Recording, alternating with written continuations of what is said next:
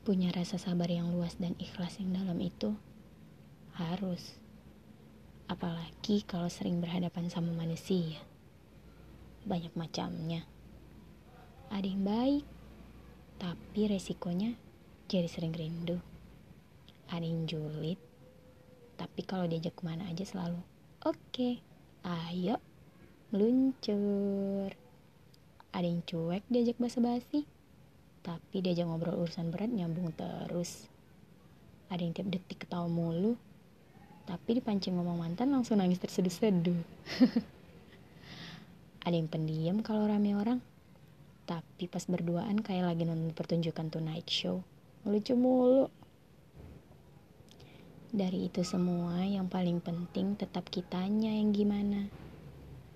Memperluas sabar, karena nggak semua sifat dan sikap orang bisa kita atur sesuai yang kita inginkan. Memperdalam ikhlas, karena nggak semua orang yang datang ke kita sesuai yang kita inginkan. Dengan sabar dan ikhlas, semua akan terasa lebih ringan. Karena kamu mulai belajar untuk mengerti bahwa nggak semua hal harus sesuai ingin dan isi kepalamu.